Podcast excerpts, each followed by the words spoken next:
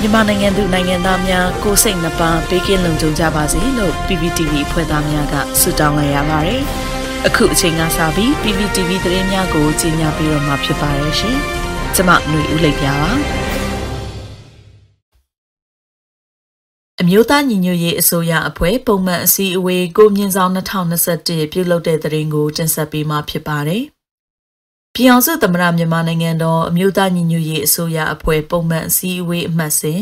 ကိုမြင့်ဆောင်2021ကိုဒီကနေ့ဇွန်လ10ရက်နနက်ပိုင်းကပြုလုပ်ရာဒုတိယသမ္မတဒူဝါလရှိလာပြည်အောင်စုဝန်ကြီးချုပ်မန်ဝင်းခိုင်သန်းနှင့်ပြည်အောင်စုဝန်ကြီးများဒုတိယဝန်ကြီးများတက်ရောက်ခဲ့ကြပါတယ်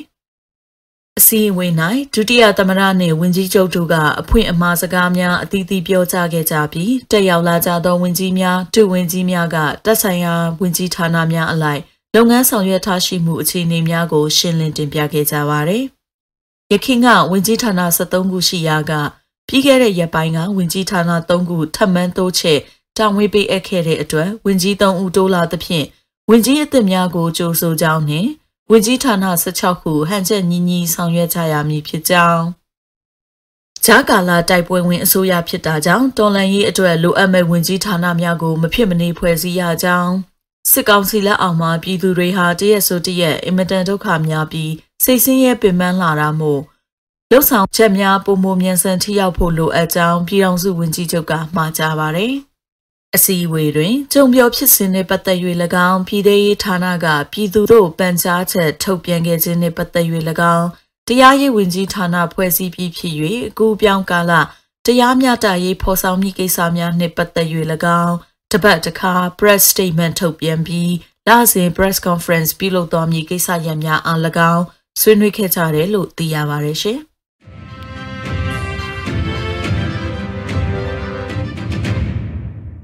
ပြည်အောင်စုသမ္မတမြန်မာနိုင်ငံတော်အမျိုးသားညီညွတ်ရေးအစိုးရပြည်ထရေးနှင့်လူဝင်မှုကြီးကြပ်ရေးဝန်ကြီးဌာနကအကြံဖက်စစ်ကောင်စီအားတရားစွဲဆိုနိုင်ရေးအတွက်တိုင်ကြားစာများတရားဝင်တိုင်ကြားနိုင်ကြောင်းကြေညာတဲ့ကြေညာချက်အမှတ်တစ်မြင့်ဆောင်2021ကိုထုတ်ပြန်လိုက်တဲ့သတင်းကိုတင်ဆက်ပေးမှာဖြစ်ပါတယ်ရှင်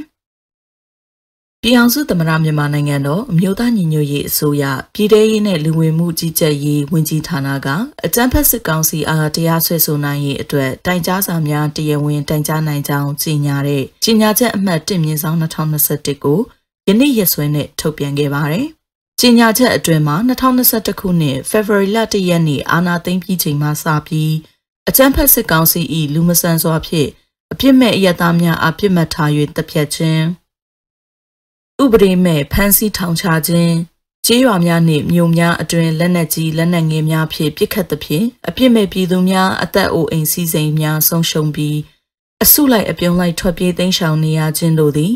တာမန်ရာဇဝတ်မှုများမဟုတ်ဘဲစစ်အာဏာတည်မြဲရေးအတွက်စနစ်တကျရည်ရွယ်ချက်ရှိရှိဖြင့်နိုင်ငံအနှံ့ရှိတိုင်းရင်းသားလူမျိုးပေါင်းစုံလူသားများအပေါ်ကျူးလွန်သည့်လူမျိုးတုံးတက်ဖြတ်မှုနှင့်လူသားများအပေါ်ကျူးလွန်သည့်ရာဇဝတ်မှုဖြစ်ကြောင်း အဆိုပါကျူးလွန်ခဲ့မှုများအပေါ်တရားရေးလုပ်ငန်းစဉ်များနှင့်အညီတရားစွဲဆောင်ရွက်နိုင်ရန်အတွက်အသက်အိုးအိမ်ဆုံးရှုံးခဲ့ရသောမိသားစုများမှတပ်သေးအထောက်အထားပြည့်စုံစွာဖြင့်ပြည်ထရေးနှင့်လူဝင်မှုကြီးကြပ်ရေးဝန်ကြီးဌာန e-website mohai.nugmyanmar.org တွင်လုံခြုံစွာတိုင်ကြားပေးကြပါရန်နှင့်မိမိတို့မြို့များတွင်အကြမ်းဖက်စစ်ကောင်စီတပ်များ၏အကြမ်းဖက်မှုမှတ်တမ်းများကိုပေးပို့ခြင်းဖြင့် အကြံဖက်စစ်ကောင်စီကိုထိရောက်စွာအပြစ်ပေးဆောင်ရွက်နိုင်ရေးအတွက်ကြာဆုံးခဲ့ကြသောຫນွေဦးတော်လန်ရေးသူရဲကောင်းများကိုစားပူးပေါင်းဆောင်ရွက်ပေးကြပါရန်မြစ်တာရက်ခံကြောင်းအဆိုပါတိုင်ကြားစာများနှင့်မှတ်တမ်းမှတ်ရများကိုအသုံးပြုပြီးအမျိုးသားညီညွတ်ရေးအစိုးရတရားရေးဝန်ကြီးဌာနနှင့်ပူးပေါင်းကတီးတန့်ပြည်တွင်းတရားရုံးများထူထောင်၍ဖြစ်စေနိုင်ငံတကာရာဇဝတ်ခုံရုံးတို့ဖြစ်စေတင်ပို့တရားစွဲဆိုပြီး အပြစ်ရှိသူများအားကြီးလေးထိုက်သင့်သည့်အပြစ်ဒဏ်များကိုချမှတ်အပြစ်ပေးရန်ဆောင်ရွက်သွားမည်ဖြစ်ကြောင်းစတဲ့အချက်တွေပါရှိတာကို တွေ့ရှိရပါတယ်။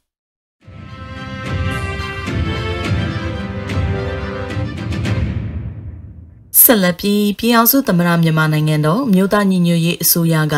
နန်စီဒီယမ်များနှင့်ပတ်သက်သောသဘောထားကြေညာချက်ကောင်းစဉ်နဲ့ကြေညာချက်အမှတ်လေးမြင်းဆောင်2021ကိုထုတ်ပြန်လိုက်တဲ့ဆိုတဲ့သတင်းကိုတင်ဆက်ပေးခြင်းပါတယ်။ အဆိုပါကြေညာချက်မှာຫນွေဦးတော်လန်ရေး၏အဓိကမန်နိုင်တရဖြစ်သော Civil Disobedience Movement CDM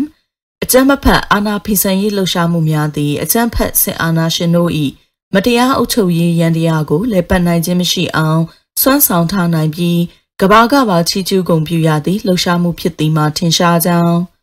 ထို့အတွက်အမျိုးသားညီညွတ်ရေးအစိုးရအနေဖြင့် Civil Disobedience Movement CDM အကြမ်းမဖက်အာဏာဖီဆန်ရေးလှုပ်ရှားနေကြသောတော်လန်ရေးသူရဲကောင်းများအားလေးစားစွာဂုဏ်ပြုမှတ်တမ်းတင်ကြောင်းအမျိုးသားညီညွတ်ရေးအစိုးရအနေဖြင့်ကိုယ်တိုင်က CDM ပြုလုပ်ခြင်းမရှိသည့်အပြင် CDM ပြုလုပ်သူများအားအနိုင်ထက်ပြုချင်းချောက်အကြက်ကင်လျက်ရှိသောဝန်ထမ်းစုများကို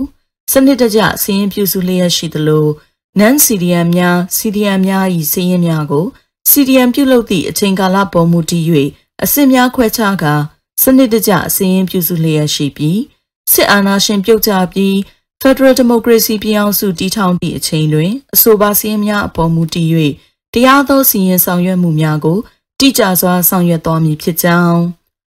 အမျိုးသားညီညွတ်ရေးအစိုးရအနေဖြင့်မြည်သည့်အကြမ်းဖက်လှုပ်ဆောင်မှုမျိုးကိုမှအားပေးအားမြောက်ကူညီလှုံ့ဆော်ခြင်းမျိုးမရှိခဲ့တော့လဲမတမာသူလူတစုကထင်အောင်ထင်မှပုံဖြတ်၍အကြမ်းဖက်လှုပ်ဆောင်မှုများပြုလုပ်နေသည်ကိုတွေ့ရှိရပြီး ထိုလုံရများကို ပြင်းပြင်းထန်ထန်ရှုံချကန့်ကွက်ကြောင်း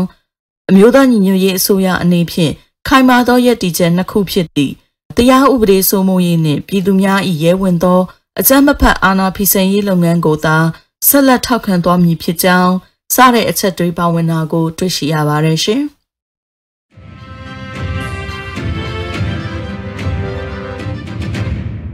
ပြည်အောင်စုသမ္မတမြန်မာနိုင်ငံတော်အမျိုးသားညီညွတ်ရေးအစိုးရ အလို့သမားဝင်ကြီးဌာနက CDM ပြုလုပ်နေကြသောပြည်သူဝန်ထမ်းများနှင့်ပတ်သက်သည့်ကြေညာချက်အမှတ်1မြင်းဆောင်2021ကိုထုတ်ပြန်ခဲ့တဲ့သတင်းကိုဆက်လက်တင်ဆက်ပေးသွားပါမယ်။ပြည်အောင်စုသမ္မတမြန်မာနိုင်ငံတော်အမျိုးသားညီညွတ်ရေးအစိုးရအလို့သမားဝင်ကြီးဌာနကဒီကနေ့ရက်စွဲနဲ့ကြီးညာချက်အမှတ်တင်မြင့်ဆောင်2021ကိုထုတ်ပြန်ခဲ့ပြီးအဆိုပါကြီးညာချက်တွင် CDM ပြုလုပ်၍ရုံးတက်ပြက်ကွက်သည့်ဝန်ထမ်းများအား 15ရက်2လ2021ရက်နေ့မှစ၍နိုင်ငံဝန်ထမ်းနည်းဥပဒေတစ်ခွန်တစ်အရတာဝန်မှယာယီရဆိုင်ကြောင်းအမိန့်ကြော်ညာစာအသီးသီးကိုလက်ရှိစစ်ကောင်စီ၏အမိန့်နာခံသည့်ဌာနတာဝန်ရှိသူများမှမတရားထုတ်ပြန်ခဲ့ကြောင်းပြည်သူအစိုးရကထုတ်ချီထားသောနှစ်လစာချီးငွေနှင့်အချို့သောဝန်ထမ်းများအားအလုံခံထားစဉ်ကဝန်ထမ်းခံထားရေးမှုအရာချုပ်ဆိုထားသောဂတိဝန်ခံချက်စာချုပ်တတန်းမပြည့်သေးသည့်အကြောင်းပြချက်ဖြင့် စာချုပ်အရရောချင်းငွေများကိုနှစ်ပတ်အတွင်းနောက်ဆုံးထားပေးသွင်းရန်နှင့်ပြက်ကွက်ပါကဒီစဲဥပဒေနှင့်အညီတရားစွဲဆိုသွားမည်ဖြစ်ကြောင်းဝန်ထမ်းအချို့အားစာဖြစ်ချင်းချောင်းနေကြောင်းထို့သောချင်းချောင်းနေခြင်းနှင့်ပတ်သက်၍အမျိုးသားညီညွတ်ရေးအစိုးရ၏စီမံကိန်းနှင့်ဗဏ္ဍာရေးဝန်ကြီးဌာနကချင်းငွေများအားပြန်လည်ပေးဆက်ရန်မလိုအပ်သောချင်းငွေများအဖြစ်နှစ်ကြိမ်တိုင်တိုင်ကြီးညာကြောင်းတို့ဖြစ်ပါ၍ စစ်ကောင်စီ၏ဝန်ထမ်းဥပဒေဤဥပဒေများနှင့်ကိုက်ညီမှုမရှိသောလှုပ်ဆောင်ချက်များအားရှုံချပါကြောင်းနှင့် CDM ဝန်ထမ်းများအနေဖြင့်နှစ်လစာချီးယူငွေများနှင့်အလုတ်သက်စာချုပ်ရောစည်းများအားပေးရော်ရန်မလိုအပ်ကြောင်းစတဲ့အချက်တွေပါဝင်တာကို တွေ့ရပါတယ်ရှင်။